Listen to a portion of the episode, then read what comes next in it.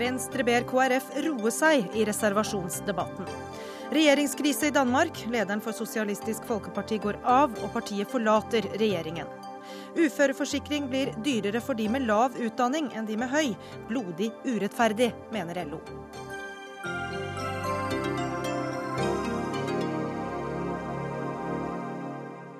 Dessuten har Facebook snart bursdag. Det markerer vi også i Dagsnytt 18. Jeg heter Gry Blekastad Almås og ønsker velkommen til sending. Debatten om hvorvidt legene skal ha rett til å reservere seg mot abortinngrep, ruller videre. KrF mener hele det borgerlige samarbeidet står på spill i denne saken. Men eh, nå må KrF roe seg, sier du Kjetil Kjenseth, stortingsrepresentant for Venstre i helse- og omsorgskomiteen. Hva mener du med det? Det, det er fire partier som skal styre landet. Eh, og det er det viktige med samarbeidsavtalen. Eh, og jeg håper at Kristelig Folkeparti ikke setter landets interesser over styr. Eh, ved å ville presse fram en reservasjonsadgang for eh, noen få leger. Men hva er så galt med å kjempe for en sak de tror på? Det er jo i dems rett å gjøre det.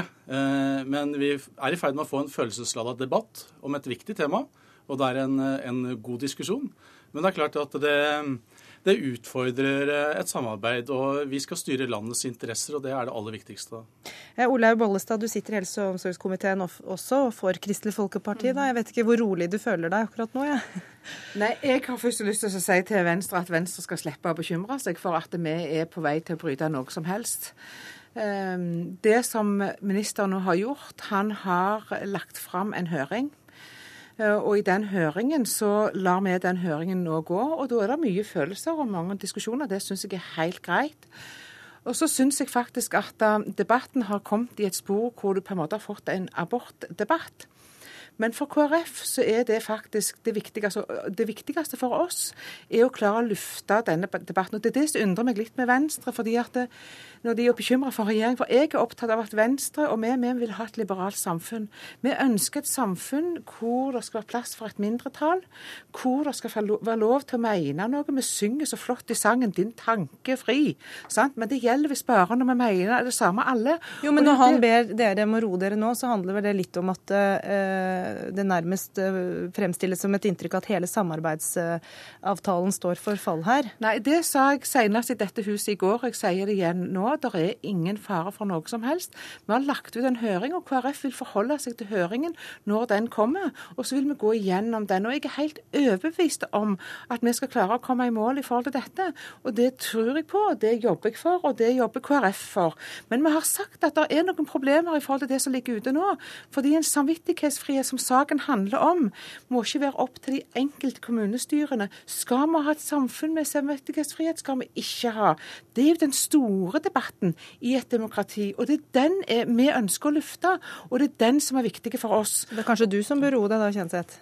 Jeg ser ingen grunn til det. Nå er ikke vi en del av den avtalen. Nei. Eh, og vi er jo enige i at det her ikke bør eh, Den byrden det her eh, gir for, for unge jenter og for små kommuner, Eh, det er helt riktig at Den ønsker ikke vi å legge på kommunestyrene. Derfor er dette en viktig prinsipiell debatt som vi skal ha i Stortinget. Men du er redd for at denne saken nå kan velte det borgerlige samarbeidet? Er det det som er uh, ja, klart, din frykt? Det, det frykter jeg jo. Når vi ser Det her er jo et, en debatt som nå engasjerer veldig. Og det, er, det skal vi politikere være glad for, at vi får debatter som befolkningen er med på. Men vi skal jo finne en løsning å leve med. Og ikke minst skal de unge kvinnene eh, ha sin eh, rett til selvbestemt eh, abort og ta den beslutningen på egen kjøl. Og de har behov for fastlegen de møter i førstelinja for å ta den beslutningen. Og det er en, en åpen og, og, og, verdig debatt å ta, men vi må også sette en grense. Og det offentliges interesser her mener vi skal gå, og de unge jentenes interesser mener vi skal gå foran noen legers ønske om å å få, å få ha sin samvittighet i fred. Da. Eh, og, og vår, eh, vårt liberale standpunkt her det er å kjempe for de unge kvinnene, som mange kvinner har kjempa for i, i, i, lang tid for å få den retten. Mens du mener at dette er et liberalt standpunkt å gi reservasjonsrett til legene, du? Nei, vet du hva, nå har jeg lyst til å si for det første at det er ingen, og jeg gjentar, ingen som skal være i tvil om at kvinner sin rettighet skal gå først. Det har jeg sagt i går, og jeg sier det i dag, og jeg kan si det til evig tid. Fordi vi har en abortlov. Den skal ikke rokkes med. Men spørsmålet er om vi i det samfunnet, når det har vært praktisk mulig, og det er faglig mulig Legeforeningen sier det er ikke et problem. Når vi da ser det, da er spørsmålet har vi da plass om vi da har plass til et mindretall som mener noe annet, og faktisk bruke den muligheten som det ligger. Men, jeg tror vi blir et rikere samfunn, og det tror jeg er kjempeviktig å forstå. Som ikke drar dette inn at jentene ikke skal få en abort. For det er ikke det vi snakker om. Men det, det som jeg egentlig ønsker å snakke om, er jo hva dette gjør med regjeringssamarbeidet og den avtalen som er gjort på forhånd her. Og er det sånn at uh, dere føler dere litt sånn dolka i ryggen av Høyre her i den prosessen uh, man har hatt, når det nå er det ene kommunestyret etter det andre som uh, ikke ønsker å innføre denne reservasjonsretten? Nei, fordi at de har lagt fram en høring. Og det har de gjort i, altså etter avtalen. De har lagt fram en høring. Og så kan vi være uenige eller enige i det som står i høringen. Det må være helt lov. Altså, så det, det blir problematisert på en helt annen måte. Så du tenker at dere ikke skal legge noe vekt på det eh, de ulike kommunestyrene kommer fram til? Jo, det kan vi, men dette her har blitt en politisk sak hvor en får en slagmark i hvert enkelt kommunestyre. Hvor jeg mener at vi må diskutere sentralt i nasjonalforsamlingen skal Norge ha plass for samvittighetsfrihet når det er faglig og praktisk mulig. Det er den store debatten. Og den hører ikke hjemme i kommunestyret, den hører hjemme i nasjonalforsamlingen. Akkurat der er jo Venstre og Kristelig Folkeparti helt enige om at det her er en sak som vi ikke skal overlate til små kommuner som sliter med å få tak i fastlege, mm. og til unge jenter.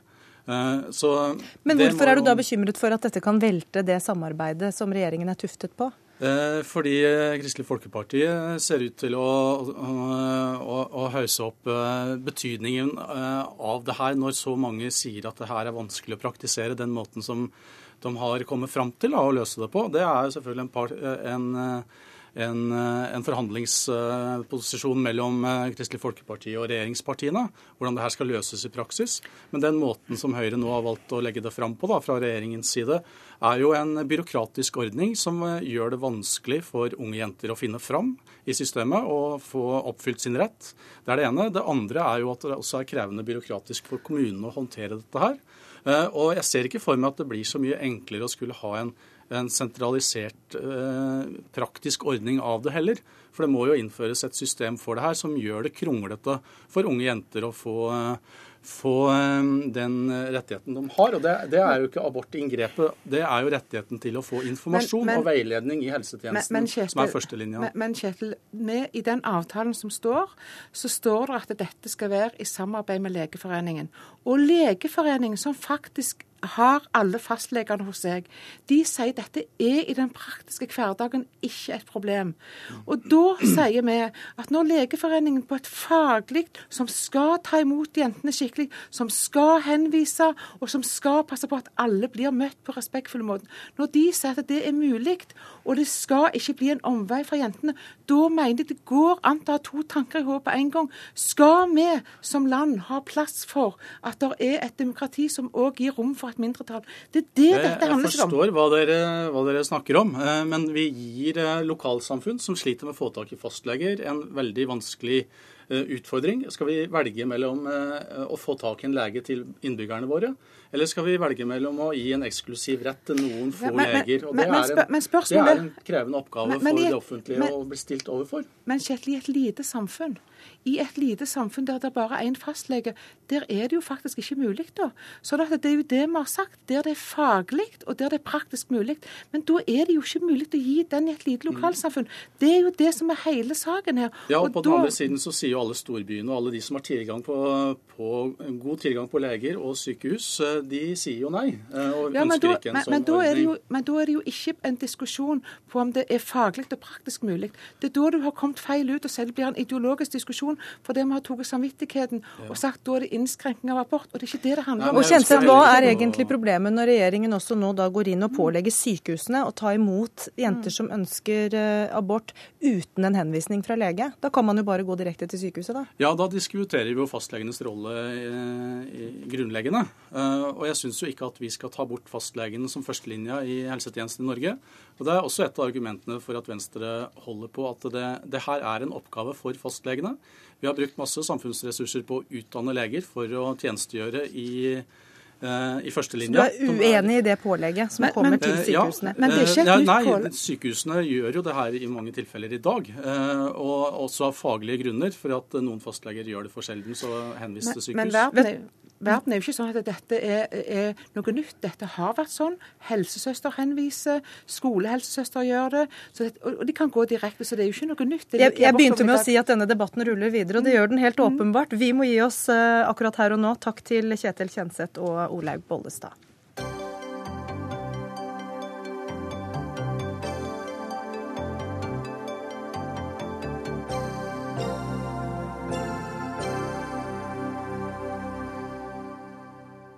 For da skal vi til regjeringskrisen som har oppstått i Danmark. Eh, I dag ble det klart at lederen for Sosialistisk Folkeparti trekker seg, og at partiet går ut av regjeringen. Magnus Takvam, politisk kommentator her i NRK. Hva var det som førte til denne dramatiske avgjørelsen?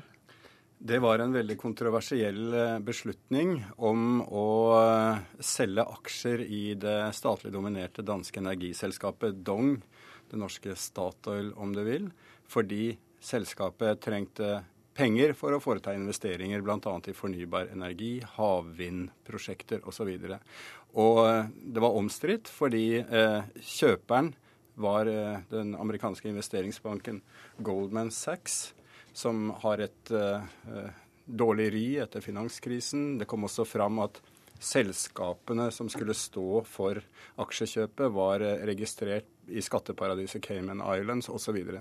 sånn at store deler av dansk opinion, ikke bare SF, var veldig kritiske til dette kjøpet. Og i eh, dag endte det da med at eh, SFs leder, Annette eh, Wilhelmsen, ikke fikk sitt eget parti med på denne beslutningen som regjeringen måtte gjennomføre. Eh, fem medlemmer i hennes egen folketingsgruppe sa nei, og dermed mistet hun all tillit. Hun trakk seg, som du sier, som leder, og bestemte å gå ut av regjering. Hvordan var samarbeidsklimaet i regjeringen eh, før denne saken? Ja, altså, eh, danske SFs regjeringsdeltakelse de siste to og et halvt årene har vært eh, turbulent. Eh, og partiet opplever nå en krise uten like, med frafall, avskallinger av ledende medlemmer. Eh, I dag ble det kjent at Astrid Krag, som var rival for i, i, forhold til å bli leder i, i, partiet, også i dag melder seg ut. Hun har vært minister fram til i dag, melder seg ut av SF og går inn i, over til Sosialdemokratene. Og de har måttet tåle å godta kompromisser og, og vedtak i regjeringen som har smertet dypt. Og dette har de rett og slett ikke klart å bære gjennom i, eget, i sin egen grasrot. La oss ta turen til, eh, til, eh, København. da. Uffe Tang, du er politisk redaktør i Danmarks Radio. Hvordan er reaksjonen i Danmark på denne dramatikken i dag? Jamen, reaktionerne i Danmark er, er meget øh, forbløffede, kan man sige. Det har været et øh, ekstremt dramatisk døgn i dansk politik, det her. Øh, ingen havde nok forestillet sig, at det ville komme øh, hertil, og slet ikke øh, på den her måde. Øh, men øh, man har lidt svært ved at finde ud af præcis, hvorfor var det, at øh, Annette Wilhelmsen ikke øh, ville blive og, og kæmpe videre, fordi det, der skete i går aftes, var, at hun først vandt en stor sejr for sin egen politiske linje i øh, SF's øh, øverste demokratiske organ, det der hedder landsledelsen, og derefter så skulle hun så tale med parlamentarikerne om, øh, hvordan man skulle komme videre herfra, og det var så der, det hele øh, åbenbart øh, gik galt på et, øh, må man forstå, meget dramatisk møde i går. Så det var meget øh, pludseligt og meget uventet, at hun øh, trak sig her øh, til morgen. Øh, jeg skal dog sige, at det ikke alle, øh, heller ikke i, den, øh, i, de andre regeringspartier, der er, der er kede af det her, fordi som vi lige hørte, så har det været meget svært for SF at sidde i regeringen. Øh, man havde jo kigget meget til Norge, til, øh, til SV der, øh, hvordan øh, man var kommet i regering, og det var ligesom drømmen, at man kunne, øh, man kunne øh, øh klare sig godt, øh, men det skete altså ikke. Reger- øh, partiet har lidt hårdt under det, og det har regeringen altså også. Så hos de danske socialdemokrater, der græder man tørre tårer over, at SF er de ude nu. Ja, Du sier altså at det er ikke alle regjeringspartnerne som er så lei seg for dette. Hvor, hvor dyp vil du da beskrive denne krisen? Jamen altså, krisen, krisen er, er, er markant. Altså, jeg vil sige, især, især i SF som parti er, er krisen markant, og det er selvfølgelig også en regjeringskrise, når regeringen på den måde springer.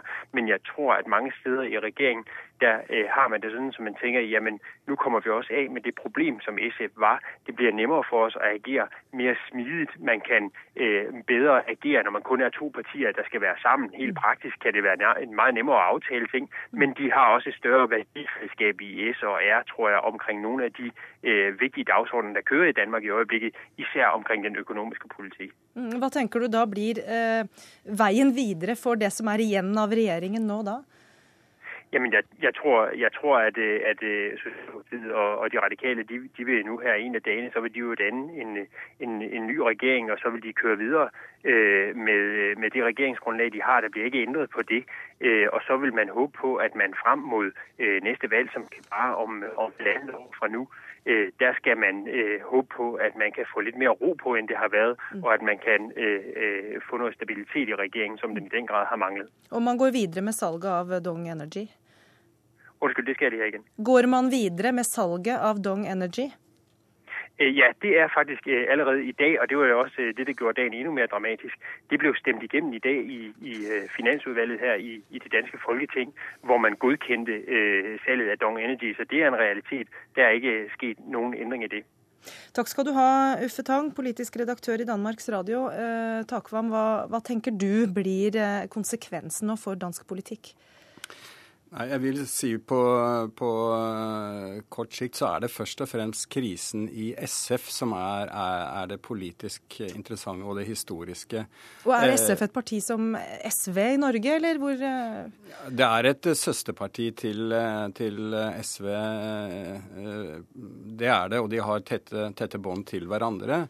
Men eh, altså, hele det politiske feltet i Danmark ligger noe til høyre for det norske. Så også i forholdet SV-SF, vil jeg si. Eh, det helt spesielle for eh, SFs situasjon eh, i denne regjeringen som, som de nå går ut av, er jo at den har vært en mindretallsregjering.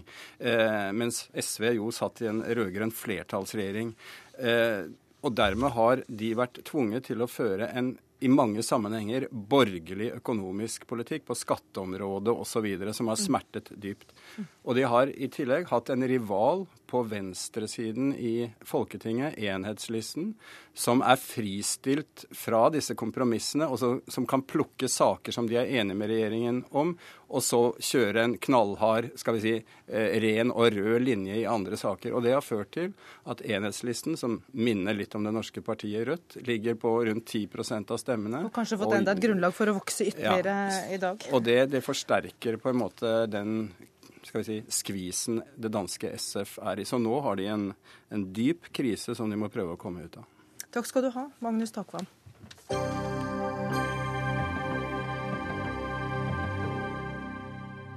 Vi får en ny NRK-medarbeider inn i studio for å diskutere det besværlige kjærlighetslivet, eh, og for noen mer enn for andre.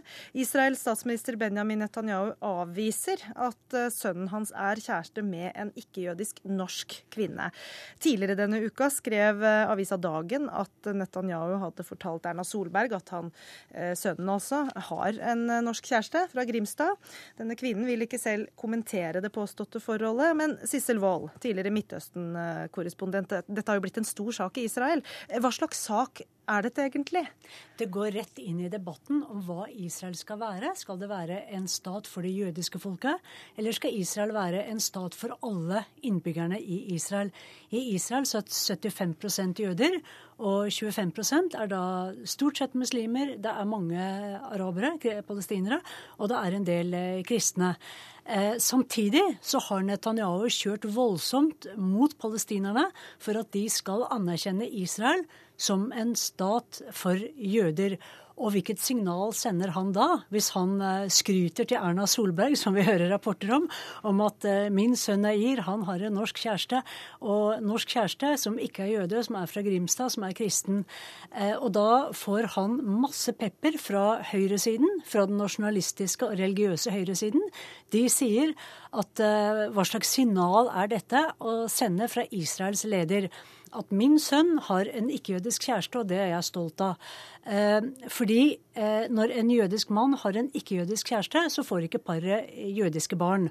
Så det har vært mange som sier at OK, vi kan akseptere denne norske kvinnen fra Grimstad, bare hun konverterer, så er alt greit. Men dette er en politisk storm, og nå har jo Netanyahus kontor gått ut og sagt at de er bare gode venner. Ja, Er dette så alvorlig at altså Jeg vet jo at de da har gått ut og benektet dette, men, men hvordan kan en sånn sak bli så alvorlig? Det er en veldig veldig sterk eh, symbolsak. Ja. Eh, fordi at hun blir jo da Jeg har jo med noen papirer her. Who is this mysterious shiksa girl? Og shiksa det er et veldig nedsettende ord om ikke-jødisk kvinne. Og nettopp denne shiksa altså Hvis alle jødiske menn hadde giftet seg med skikser, med ikke-jødiske kvinner, så hadde de ikke fått jødiske barn. Fordi at, uh, at uh, i jødedommen så er det viktig at mor er jøde, da blir barna jøder. Og det er til og med en organisasjon som heter Lehava. Lehov, veldig liten organisasjon, men de jobber mot assimilering. Dette har noe med assimileringsspøkelset å gjøre. For hvis jøder assimilerer seg, så forsvinner jo det jødiske folket. Og dette er også en del av dette raseriet fra høyresiden og fra de religiøse. Men fra eh, Tel Aviv-folket Tel Aviv er jo syndens pøl. Der bor alle de sekulære i Israel. sekulære, De mener jo at dette bare er tull, fordi der er det jo mange som gifter seg Altså de er sekulære. Eh, noen gifter seg med ikke-jøder. Ja, for Det var det jeg skulle spørre om. Når du da beskriver sant, den flerkulturelle eh, delen av Israel, så kan det jo ikke være så uvanlig at en jøde gifter seg med en eh, ikke-jøde? Det er ikke så veldig vanlig å gifte seg med ikke-jøder. For stort sett er jo Israel et jødisk samfunn, og eh, ekteskap mellom jødiske israelere og jødiske arabere er veldig sjelden. Veldig sjelden.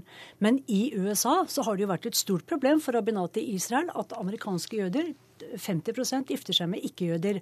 Så det jødiske folket minsker. Men denne debatten høres jo veldig rar ut i Norge. Eh, og i resten av verden, hvor man jobber for integrering, og flere og flere gifter seg over eh, landegrenser og over religiøse grenser. Men i Israel så handler dette om identitet og at det jødiske folk skal overleve. Men i Netanyahus regjering så har han regjeringspartneren eh, partiet Yeshatid, som er et sekulært parti. De jobber for eh, sivile ekteskap. Så de håper at, dette er et kjæresteforhold? at, at, dette kan på en måte kan være en, en kamp for den sekulære venstre-sentrum-siden, som også kan eh, fremme da sivile ekteskap i Israel. For nå er det bare mulig å gifte seg hos en rabbiner i Israel. Hvis vi ser for oss, for oss at dette forholdet, da, om det nå er et vennskapsforhold eller noe mer, eh, skulle ende med Eh, et giftermål. Eh, hva vil det gjøre med Netanyahus stilling? Eh, da må hun konvertere. Hvis ikke Netanyahu skal få problemer med det. For han kjører jo hele tiden på at Israel er for jøder. Israel er en jødisk stat. Og litt om stemningen. I dag så kom det, eller var det i går, det kom en sånn flashmelding, nyhetsmelding, veldig, veldig god nyhet om at Natalie Portman som er eh, amerikansk-jødisk filmskuespiller. Hun har jo født i Jerusalem. Hun har giftet seg. Og veldig god nyhet, hennes mann, som er eh, fransk eh, danser og koreograf, han skal nå konvertere til jødedommen. Mm. Så he's gonna join our tribe, står det. Han skal bli en, en, en del av vår stamme. Og det er veldig god nyhet, fordi det, det, det er ikke populært å gifte seg ut av det jødiske i Israel. Da sier vi takk til Sissel Wold, utenriksmedarbeider i NRK.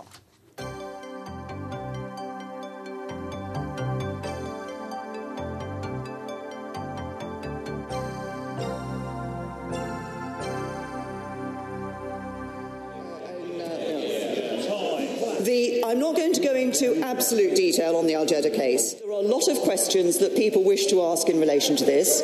I am answering the questions and I am taking as many interventions as people are requiring. Isn't it the answer? She hasn't got a clue.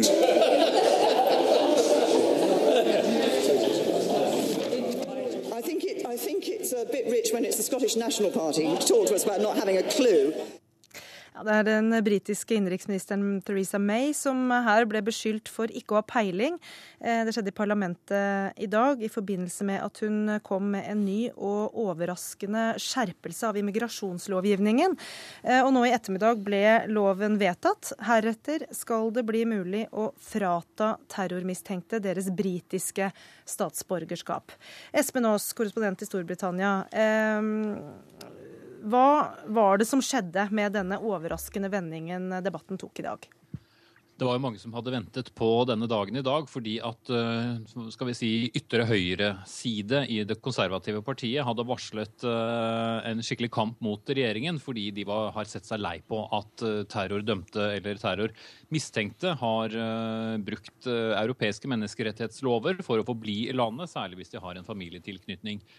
Og her var det mange som var klare til å gå imot regjeringen. Men så da, 24 eh, timer før denne debatten skulle gå av stabelen, så kommer altså innenriksministeren med et helt nytt lovforslag som handler om noe helt annet. Nemlig det å kunne frata eh, britiske statsborgere, riktignok de som har da fått statsborgerskap etter eh, at de er født i et annet land, frata de statsborgerskapet dersom de er terrormistenkt. terrormistenkt. Og bare for å slå fast det da, den debatten har nå gått, og vedtaket er fattet med, med stort flertall? Ja, et stort flertall i aller høyeste grad. sånn at her fikk de åpenbart støtte fra både opposisjon og koalisjonspartnere. Det var kun et uh, lite uh, mindretall på, på, på, 34 som stemte imot uh, denne loven. Men det ble veldig mange spørsmål rundt den, fordi denne da dukket opp rett før debatten skulle komme.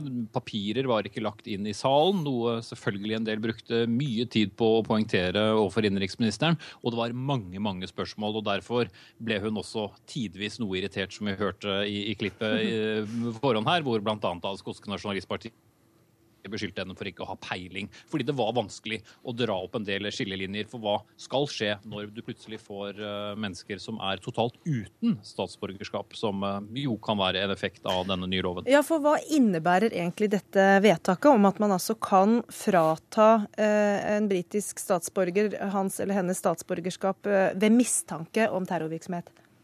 Det det skriver seg fra, er jo det som vi også sett noe av i Norge, men som er mye mer utbredt her, nemlig at uh, folk som er født i et annet land, la oss uh, eksempelvis si Irak, som var et eksempel som ble hentet opp i parlamentet, uh, som har bodd i Storbritannia, så reiser de tilbake til Irak, blir en del av islamistiske grupperinger og utøver vold overfor britiske tropper så er det mye som kan tyde på at det har skjedd. Det har ikke vært gjennom noen rettssak, men da ønsker britiske myndigheter å frata vedkommende sitt britiske statsborgerskap og stenge vedkommende ute, nettopp fordi at de er eh, mistenkt for å tilhøre en terrororganisasjon eller å utøve terrorhandlinger.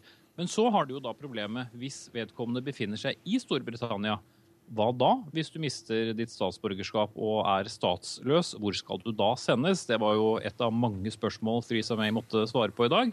Og Da var det litt vanskeligere å si noe konkret, men hun sier da at da må de søke seg tilbake til uh, sitt fødeland. Men det er jo ikke gitt at fødelandet ønsker å, å få vedkommende tilbake. Her uh, aner det meg at det åpner seg en uh, rekke dilemmaer, Njål Høstmeldingen. Du er direktør for uh, organisasjonen ILPI, som altså står for International Law and Policy Institute. Uh, hvilke dilemmaer ser du i dette vedtaket?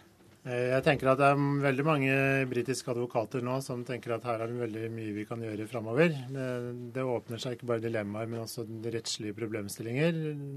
Og helt i mine øyne helt klare brudd både på konvensjoner om menneskerettigheter, men også om statsborgerskap. Hvilke, hvis du tar brudd på menneskerettigheter først, hva, hva, ser du som problematisk? Bruddene på menneskerettighetene kan være forskjellige. men Det ene er at uh, du splitter familier og må da ha en grunn i forhold til retten til familieliv. Artikkel 8, som har vært oppe i den debatten som har vært i Storbritannia i dag. En annen er at hvis du sender folk ut med mistanke om død eller mishandling i det landet de blir sendt til, fordi de da blir fratatt sitt statsborgerskap og blir sendt ut, så kommer du over i en EMK eh, artikkel 3-problemstilling eh, om eh, forbud mot mishandling. Men du kommer også i de tilfellene hvor du ikke vet hva du skal gjøre med disse her, fordi de blir sittende i Storbritannia, mistenkt for terrorisme, men og fratatt sitt statsborgerskap. Mm -hmm. Og du er i en situasjon hvor ikke du kan sende dem til noen, for det er ingen som ønsker å ta imot dem, så kommer du over i en frihetsberøvelsesproblemstilling. Altså at du tar de ut av samfunnet, plasserer de på en anstalt eller en øde øy, og så venter til situasjonen løser seg. Og Da er det jo også interessant å høre om dette er aktuell politikk eh, i Norge. Matsiar eh, Keshvari, du er innvandringspolitisk talsmann for regjeringspartiet Fremskrittspartiet. Eh, hva tenker du om det? Jeg tenker at det er ikke aktuelt akkurat i denne formen, men det er interessant å se på tiltakene de har eh, innført. Nå er jo det veldig eh, ny, da. Eh, som vi hørte, så var det jo ganske nytt for til og med det britiske parlamentet. Men det har noe å gjøre med problemstillinger rundt radikalisering, deltakelse på terrorleir og deltakelse i kriger rundt omkring i verden. For i dag så kom det jo også frem at i Syria alene så er det over 7000 utlendinger, altså folk fra ulike nasjonaliteter, som deltar. Når vi vet at det blir begått eh, krigsforbrytelser eh, og andre forbrytelser i disse landene, så er man nødt til å se på eh, hvordan man kan forhindre det. Ja, hvor aktuelt er det å frata noen norsk statsborgerskap i en sånn situasjon? Det er noe man må se på og vurdere. fordi Vi ser jo også noen av betenkelighetene og utfordringene ved å gjøre på den måten. Så ikke, vi har jo ikke foreslått å gjøre det på akkurat denne måten. Men jeg mener det er eh, veldig viktig å se på det, og verdt å se på det. Eh, Pga. en annen ting også, nemlig hele asylinstituttet og flyktningsinstituttet. Mange av disse menneskene som har kommet til eh, vesteuropeiske land, har kommet hit under dekke at de trenger beskyttelse. Eh, og Så har de fått opphold og etter hvert statsborgerskap. Og Så viser det seg at så fort statsborgerskapene er i orden, så reiser de tilbake, eh, deltar i enten geriljakrig eller krigsforbrytelser, eh, og, og, er med på å ta livet av uskyldige mennesker. Og det er Men der har vi jo et rettssystem som skal ta tak i den typen lovbrudd som du, du snakker om her. Tenker du at det er nok, eller vil det også være en, en mulig straffereaksjon da fra frata folk eh, Jeg mener at man eh, også bør se på den eh, biten av det i aller høyeste grad. Fordi at når man kommer til f.eks. Storbritannia eller Norge og søker om beskyttelse, så får man norsk statsborgerskap, og så er man tilbake i det landet man kom fra og driver med f.eks. krigsforbrytelser eller deltar i, i terrortrening, så har jo egentlig grunnlaget for opphold og den statsborgerskapen ikke vært reell i mange tilfeller. Men her er det store variasjoner. Som sagt så ønsker vi ikke å innføre det helt likt den britiske, men jeg mener det er verdt å se på disse tiltakene og vurdere hva man kan gjøre med det. For denne problemstillingen er økende i hele Europa. Høstmelding, Tenker du at det er eh, en spennende ting at vi også skal se på dette i Norge? Jeg tenker det er veldig spennende, for det drar med seg en veldig mm, fin debatt om hvilke virkemidler er du har, og hvordan er det du ønsker å gå inn i det. Du har menneskerettighetsargumentasjon også på Fremskrittspartiets side ved at du har en plikt til å etterforske og påtale mm, krigsforbrytelser, f.eks. Men jeg tenker at det er rimelig langt unna hva som vil være en, vanlig, en etablert norsk rettstradisjon å frata noen som er mistenkt for noe, sitt statsborgerskap, hvor du ender opp med at de blir statsløse. Det er jeg, det er ganske langt det er jeg ganske enig i. Ja, så Hvilke sider ved dette vedtaket er det dere kunne tenke dere for, å se på? F.eks. de som har eh, dratt tilbake, og der man kan påvise at de har dratt, eh, altså, deltatt i enten eh, terrortrening eller folkemord eller andre Påvise alvorlige... på hvilken måte da? Gjennom en dom, eller på andre ja, måter? Ja, gjennom en dom. Så en forutsetning vil være at det ja, foreligger en dom? Ja, det må være en forutsetning. Men det er derfor jeg sier at vi må se på det, vi må vurdere det. Vi må mm. først se hva britene har gjort, og vi må se hvordan vi skal gjøre for rettssikkerheten for alle borgere er eh, utrolig viktig, også for oss i Fremskrittspartiet. Hva gjør det med dine bekymringer for menneskerettighetene hvis det da dreier seg om folk som faktisk har fått en dom for noe? Nei, Da kommer du fort over i den mulla Krekar-situasjonen, tenker jeg her i Norge. Altså, du, du har god grunn for å sende personen ut av landet, men du får ikke gjort det fordi du krasjer med forbudet mot å sende folk ut til tortur eller mulig drap i utlandet. Så den praktiske følgen av det vil egentlig ikke være noen ting, det da? Eh, nei, og det er vel derfor britene blir så friker frike litt ut da, i det vedtaket sitt. At de tenker at her blir vi fanget av de konvensjonene som vi selv har vært med å utvikle. Her er det et rettsapparat, en eh, rettsstat, prinsipper som vi må følge. Og så ser vi at konsekvensen av det er at vi blir litt sånn sjakkmatt. Og den situasjonen som de da har endt opp i, litt uforberedt, og ender opp da med en situasjon som ikke er så veldig grei, den kunne jeg vært foruten hvis de hadde tatt veien om Fremskrittspartiet og utreda dette her på forhånd. Men utredelse blir det? Ja, altså Vi kommer til å se på det og vurdere det, som sagt, fordi den problemstillingen er økende i hele Europa. Eh, og det gjør også noe med legitimiteten til hele asyl- og flyktninginstituttet at folk misbruker det på den måten. Det sa altså Mazyar Keshvari, som er innvandringspolitisk talsperson for Fremskrittspartiet. Og takk også til Njål-høstmeldingen i eh, ILPI.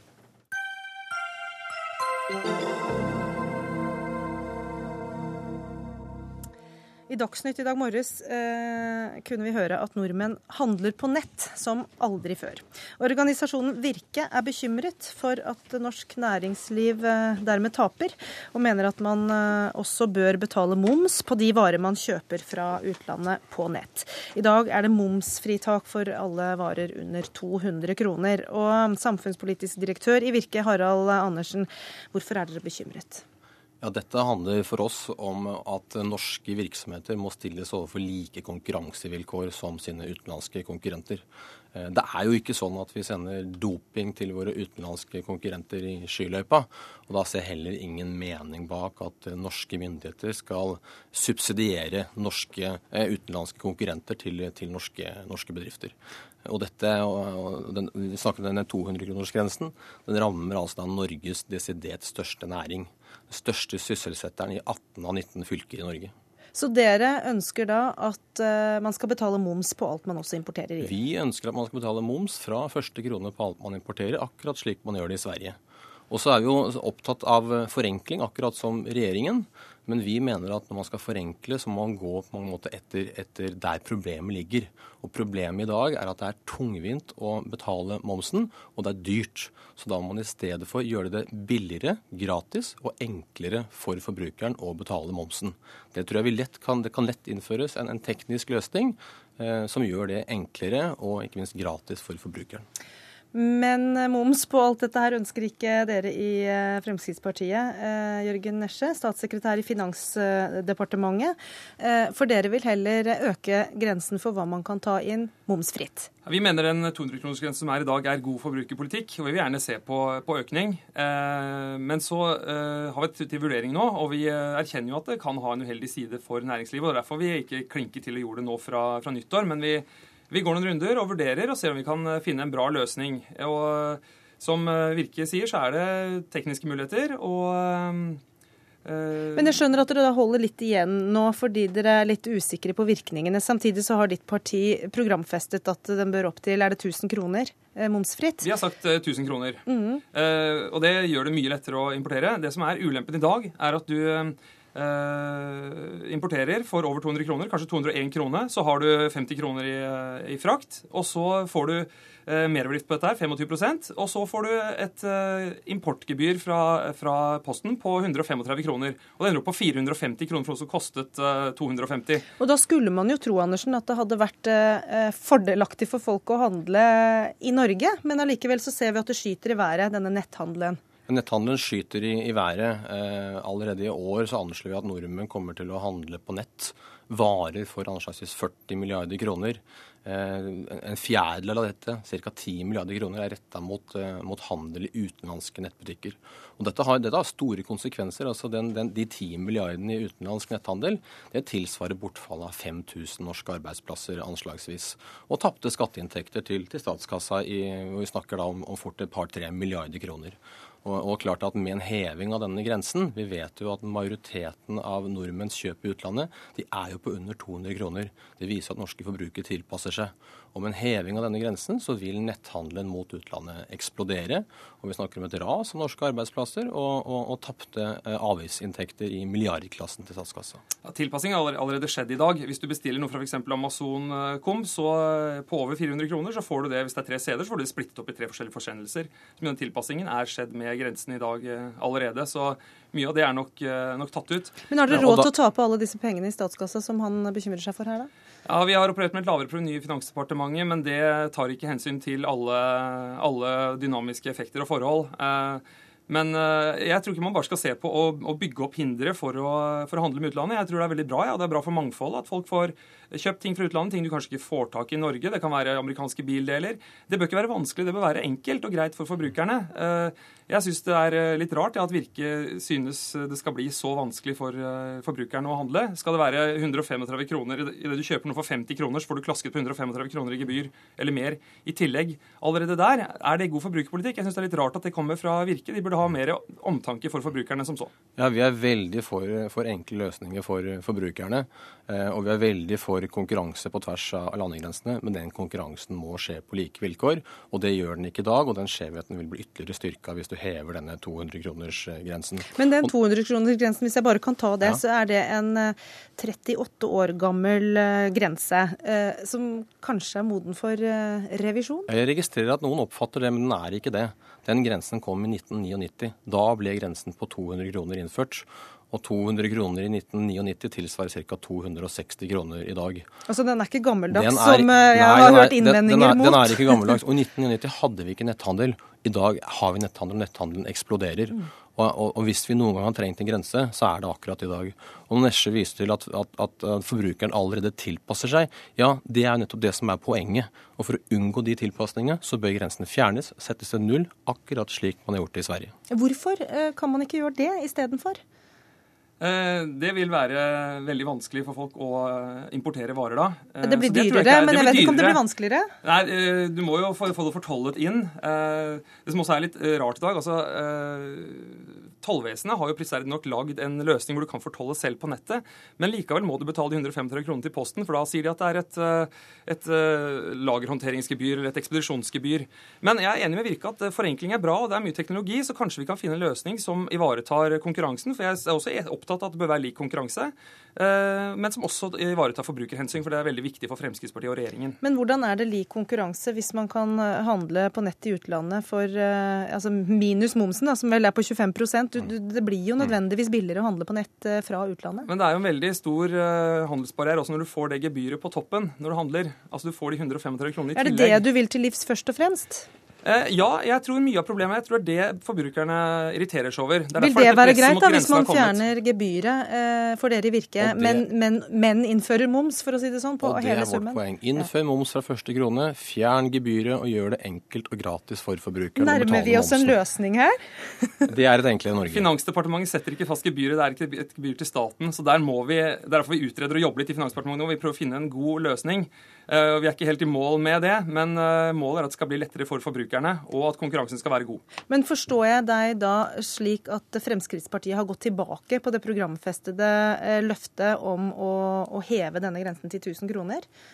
Eh, nei, altså hvis vi ikke finner en annen god løsning, eh, så, så er det det vi gjør. Det er, jo, det er, jo, enkelt og greit å gjøre. Men eh, vi har lyst til å gå en ekstra runde for å se om vi kan finne noen, noen bedre løsninger som er til det beste for alle parter. Det, det, er det vi gjør nå. Så vi vurderer dette. Du smiler litt. Ja, altså dette syns jeg er glad for at regjeringen og Finansdepartementet legger seg på en sånn konstruktiv linje. Og jeg er helt trygg på at vi når vi får satt oss ned sammen og sett på dette, her, så skal vi finne løsninger som både ivaretar hensynet til forbrukeren, sikrer enklere, rimeligere løsninger for forbrukeren, og sikrer like konkurransevilkår for norske bedrifter. Så flott. Det er ikke ofte vi løser saker gjennom sånne debatter, og vi er vel ikke helt i mål, men jeg syns vi kom et stykke videre. Tusen skal, takk skal Harald Andersen og Jørgen Nesje ha. Hør Dagsnytt 18 når du vil, på nettradio eller som podkast. nrk.no – dagsnytt 18.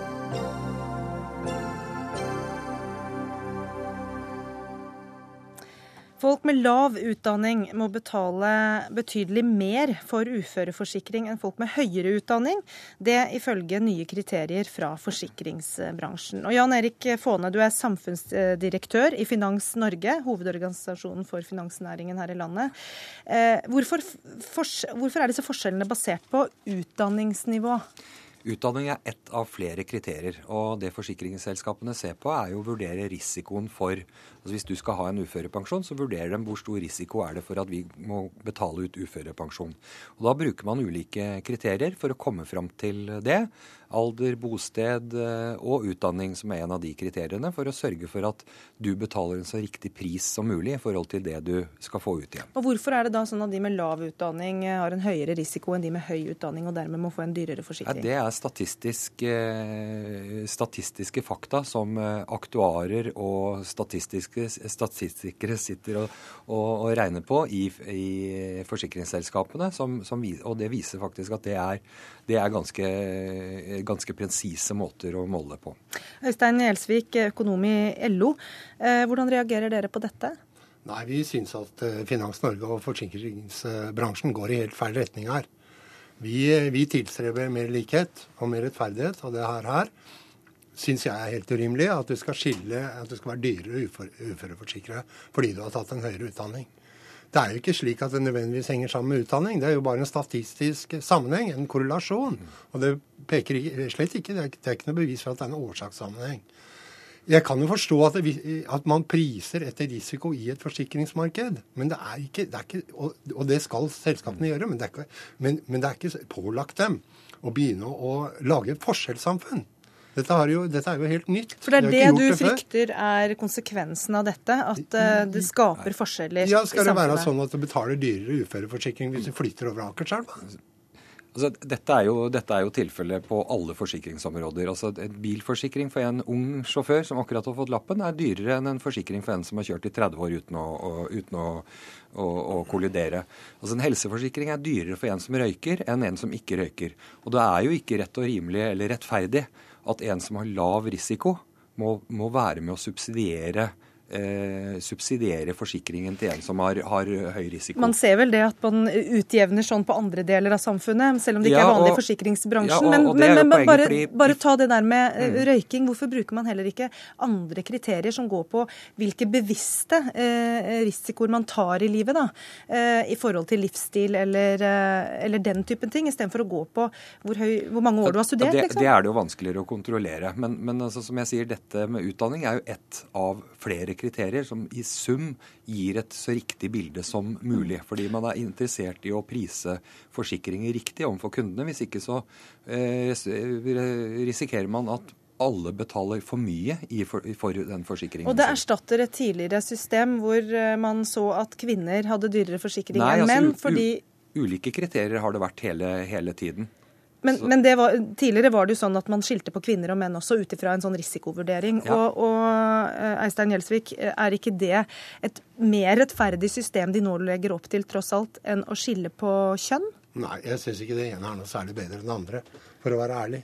Uh, og jeg, altså, det er EU som har forbudt dem å skille på kjønn når det gjelder uføreforsikring og livsforsikringer. Uh, og da tyr de til andre kriterier. Men hvordan ville du organisere det, da? Nei, Jeg vil organisere det med bredere ordninger. slik at du, Det er riktignok sånn at i, i, en, i, en, gruppe som skal forsikre, så skal premier reflektere totalgruppens risiko. Jeg, jeg synes... Og hvis du lager, en, lager, lager store, brede forsikringsordninger, så kommer du utenom. Da behøver du ikke eh, lage skiller på kjønn, utdanning, inntekt f.eks. Inntektsfondet er enda mer korrelert ja. med uførhet enn en utdanning. Vi, vi Hvorfor har, bruker du ikke inntekt? Vi, vi har, det er mange, og Selskapene bruker for, for, for, forskjellige kriterier, og man bruker de kriteriene som man mener treffer, treffer riktigst. Og Det er jo ikke fordi man ønsker å være urettferdig overfor noen, eh, noen eller ikke. Men hvorfor ikke eh, inntekt? Poenget, poenget er jo, vi, Jeg syns vi skal overlate til politikerne å drive politikk, og til forsikringsselskapene å drive forsikring. Altså I Norge har vi en folketrygd som hvor alle har en uføredekning. Så hvis man blir ufør, så har man det som et sikkerhetsnett i bunnen. Og der, en, der driver politikeren også en, en, fordelingspolitikk. Her er det altså snakk om hvis du eller jeg går til forsikringsselskapet og skal ha en tilleggsdekning på uførhet. Så er spørsmål skal den, hvordan skal den prises. Er naturlig, Da ser man ok, hvor stor risiko er det for at Jan Erik Faane kommer til å bli ufør. Men, hvor, ser men, de på ulike men det forstår, kriterier. Det forstår jeg. Men ja. det jeg lurer på er hvorfor dere har valgt da utdanning som kriterium, eh, istedenfor f.eks. inntekt, Fordi som ble lansert her som en idé? Fordi det Stor, veldig stor sammenheng mellom utdanningsnivå og uføre, uføregrad. Det viser all statistikk. Hadde ikke det vært et kriterium som var til å stole på, så hadde ikke forsikringsselskapene brukt det, for da hadde det blitt feil prising. Men du stoler ikke på det kriteriet, du? Jo, men du kunne jo like gjerne valgt inntekt. Men det tør de ikke. Det er for ufint. Det er det som er saken. Og, Fakta, vi bruker, bruker en, en, sum av en rekke, rekke kriterier. Eh, og, og, da tar man bl.a. utgangspunkt i yrket. Altså hva slags arbeid har du? Altså, det har selvfølgelig veldig stor sammenheng med hva, slags grad av uføre. Mm. Det, er, eh, det, er, alder, det er eh, bakgrunn, hvor du bor hen, som også har veldig stor sammenheng. Så, Hvilket yrke så er farligst? Er med at, Eh, nei, men eh, Jeg vet ikke hvilket yrke som er, er, farligst, men jeg vet at hjelpepleiere Det er veldig få hjelpepleiere som står i, i, i fullt arbeid helt til de går av med alders, eh, alderspensjon. Ja, Får man ikke da et system også som gjør at de som kanskje trenger den forsikringen aller mest, ikke har råd til å ha den? Og nettopp derfor har vi folketrygden.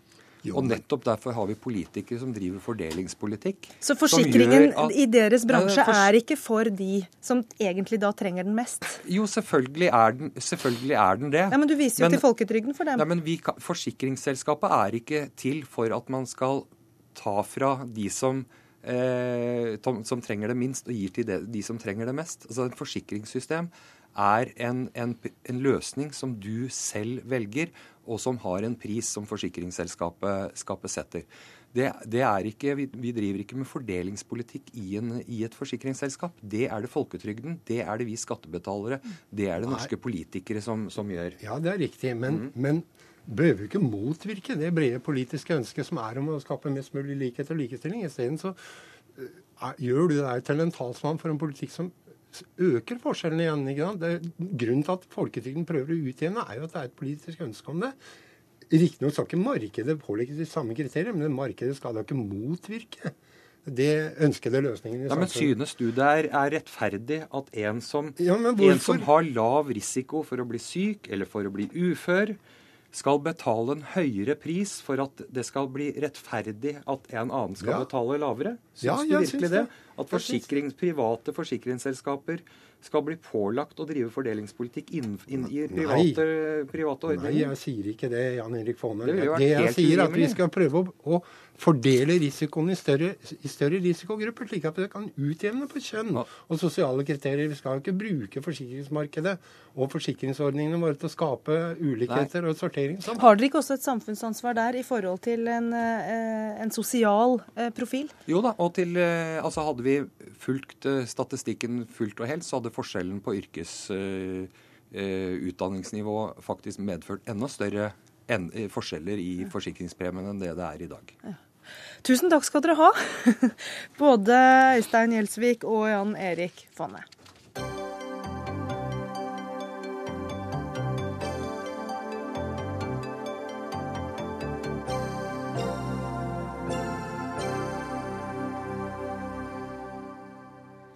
Vi skal eh, tilbake i tid, sju år tilbake, da det åpnet seg en helt ny verden for oss. Her er et klipp fra programmet Kveldsåpent i 2007.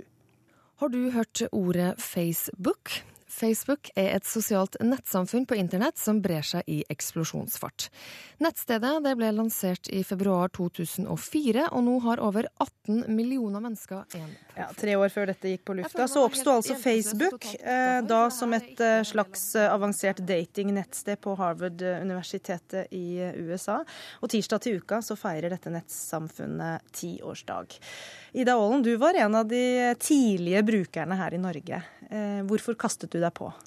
Jeg registrerte meg i romjulen i 2006, og da var det egentlig ikke så mye å skryte av, for det var jo ingen andre å snakke med. Så det er jo det som kjennetegner de sosiale mediene, at eh, hvis ikke noen vi bryr oss om er der, så er det jo stort sett et ganske kjedelig sted å være, da. Så Men, det er egentlig ikke så mye å skryte av. Hva gjorde du da for å, for å få det litt interessant der inne? Mm, ja, jeg har kastet meg på mange ting eh, opp gjennom tidene, så jeg prøvde å overbevise de andre som jeg kjente om at der må dere også være, så kan vi ha festbildene våre der eh, og mimre om ting som vi har gjort som er gøy osv. Så så, um, og de omfavnet ideen umiddelbart? Ja, ja. Noen måte, Det er jo litt morsomt vi har sett i, i, forskningen også, da, når man spør folk hvordan kom du først på Facebook, så er det jo overraskende mange som svarer at nei, det var noen som maste på meg, og så ga jeg meg til slutt. Uh, og det er jo litt uh, interessant. Men det handler om rett og slett det som er med nettverkseffekter. da, For at uh, hvis du får deg er den første som får deg mobiltelefon f.eks. en gang på 90-tallet, så er den ganske ubrukelig hvis du ikke kan sende tekstmeldinger til noen eller ikke den andre å ringe til. Sånn at alle får på en måte mer nytte av det jo flere av sine venner som de trekker med seg da, inn i det nettverket. Eh, du er jo da medieviter og har også skrevet en eh, masteroppgave om eh, disse fenomenene. Men jeg vet at du i dag har gjennomgått noen gamle e-poster for å se litt hva, du, hva som måtte til for å få, et, for å få venner da, på Facebook. hva som, måtte, jeg tror jeg jeg har funnet én e-post. Jeg blir litt flau når jeg um, finner det. Jeg Forresten, du må joine Facebook, og så har jeg lagt inn lenke da. Legger ut album der og sånn. Og det er bare venner som kan se bildene. Det er jo litt avslappende. Jeg sender en invitasjon etterpå, så får du ta den hvis du vil. Marte og Ingvild og masse andre folk er der. Det er ikke sånn MySpace-opplegg. Det er mer eh, praktisk verktøy for å holde kontakten. Høres interessant ut, uinteressant ut, så drit i det. Blunke-smiley. Så det er sånn Kom igjen, du må være der. Men uh, du må ikke være der hvis du absolutt ikke vil. Men helst så burde du være der. Så, men uh, siden den gang så har jeg kanskje fått et litt mer uh, distansert forhold til Facebook. Man blir litt sånn av å lese forskning om det. Men 2,2 millioner nordmenn er daglig eh, på Facebook. Mm. Eh, så det ser jo ut til at eh, i hvert fall her i Norge står støtt. Hva tenker du om eh, de neste ti årene? Altså det som er at uh, Veldig mange, særlig nå etter ti år, har jo lyst til å spå uh, Facebooks død. Det hadde vært mye presseoppslag før jul om at uh, tenåringene forlater Facebook, og Facebook er død og begravet. Og de fleste av de presseoppslagene har jo egentlig vært feilsisteringer og misforståelser av forskning. fordi um, det som er den store forskjellen, er at en nettjeneste som MySpace, f.eks., som nå ganske er ganske død og begravet, hadde aldri mer enn 7-8 eh, daglig oppslutning blant eh, nordmenn, mens Facebook har svingt mellom 70 og 80 eh, daglig dekning de siste to-tre årene omtrent. Så det er på en måte så mye større enn noe annet sosialt medium noensinne har vært. Og det gjør det veldig mye vanskeligere for at det skal dø også, fordi det er rett og slett blitt en del av ja, infrastrukturen da, når folk eh, kommuniserer. En forventning da, om at folk er der. Mm. Eh, jeg er på Facebook ute og har eh, altfor mange venner som jeg har spurt i dag og foregående dager om hvorfor de er på Facebook. Og det er mange som syns det er et fantastisk verktøy for å holde kontakt med venner, men også få tak i gamle bekjentskaper, altså finne igjen folk. Det er mange som bruker det i jobbsammenheng til kontaktknytting, og også til å få reklamert for ting de er opptatt av. Og så er det mange som er frustrert over eh, alle bildene av bollebakst og unger og treningsopplegg og, og jeg vet ikke hva. Hva mener du er den største verdien ved Facebook? Det er morsomt. Det, det du vennene dine på Facebook sier, er jo veldig i tråd med det forskninga viser også. Eh, og en av de mer sånn gjennomgående funnene i forskningen er jo nettopp at eh, sosiale medier som Facebook faktisk gjør det enklere for oss å holde kontakten Eh, med folk som vi ellers kanskje ville mistet kontakt med. Slik at folk som bruker sosiale medier eh, mer, gjerne har flere bekjente og ulike typer bekjente. Så du får ikke flere bestevenner, men du har kanskje litt flere som da kan eh, dele ting med deg. Og så er det jo også sant dette her at det er i stor grad, i hvert fall i, si sånn, i øvre middelklasse, at det er solskinnssida som kommer frem Eh, på Facebook. Og det sier folk av og til at ja, sosiale medier gjør oss overfladiske og sånne type ting. Men eh, hvis vi går tilbake og så ser vi på postkortene som du fikk i postkassa på 90-tallet, eller vi ser i familiealbum eller julebrev tidligere, så var det også stort sett de hyggelige tingene som folk snakket om. Det har aldri vært sånn at vi egentlig har hatt til vane å fortelle om ting som ikke er så ålreit, til de vi ikke kjenner så godt. Da. Men spørsmålet er også hva det gjør med menneskelige relasjoner sånn utenfor eh, skjermen, da. Mm. Eh, ser vi ikke hverandre hverandre i øynene lenger fordi vi ser hverandre på skjermen istedenfor. Er det et problem?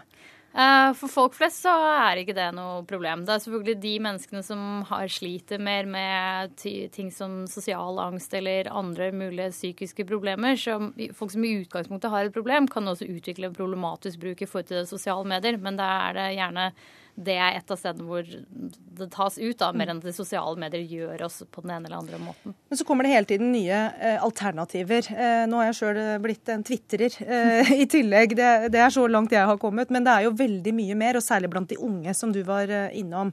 Mm. Eh, det er jo en jungel av ting. Eh, hva er det som gjør at du tror at Facebook vil bestå, til tross for all, all den konkurransen som er av ulike nettsteder?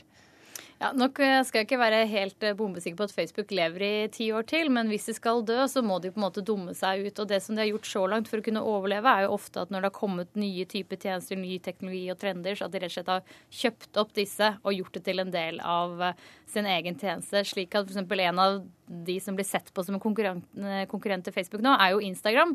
Men Instagram er kjøpt opp og eid av eh, Facebook. Så det er noen ting med kanskje om Facebook blir aldri så kjedelig, så blir det litt som at det er litt kjedelig å åpne postkassa også. For det kommer stort sett reklame og ikke så mange spennende brev, men du skrur ikke ned postkassa av den grunn. Er du en like ivrig forkjemper for Facebook som du var romjula 2006? Um, nei, slett ikke. Jeg har sletta Facebook-kontoen min en gang allerede og kommet tilbake ganske fort. Hvor, hvorfor det? Hvorfor gjorde du det? nei, for jeg tenkte jeg ikke skulle skulle ta vare på for eh, all framtid de flaue tingene jeg skrev på Facebook i 2007 og 2008. Men du er tilbake? Jeg er tilbake. Takk skal du ha, eh, Ida Aalen, og gratulerer med dagen på tirsdag da, til eh, Facebook. Denne sendingen i Dagsnytt 18 er slutt. Den var ved Eivind Våge, og teknisk ansvarlig var Carl Johan Rimstad. Og jeg heter Gry Blekastad Almås og ønsker dere en god kveld videre.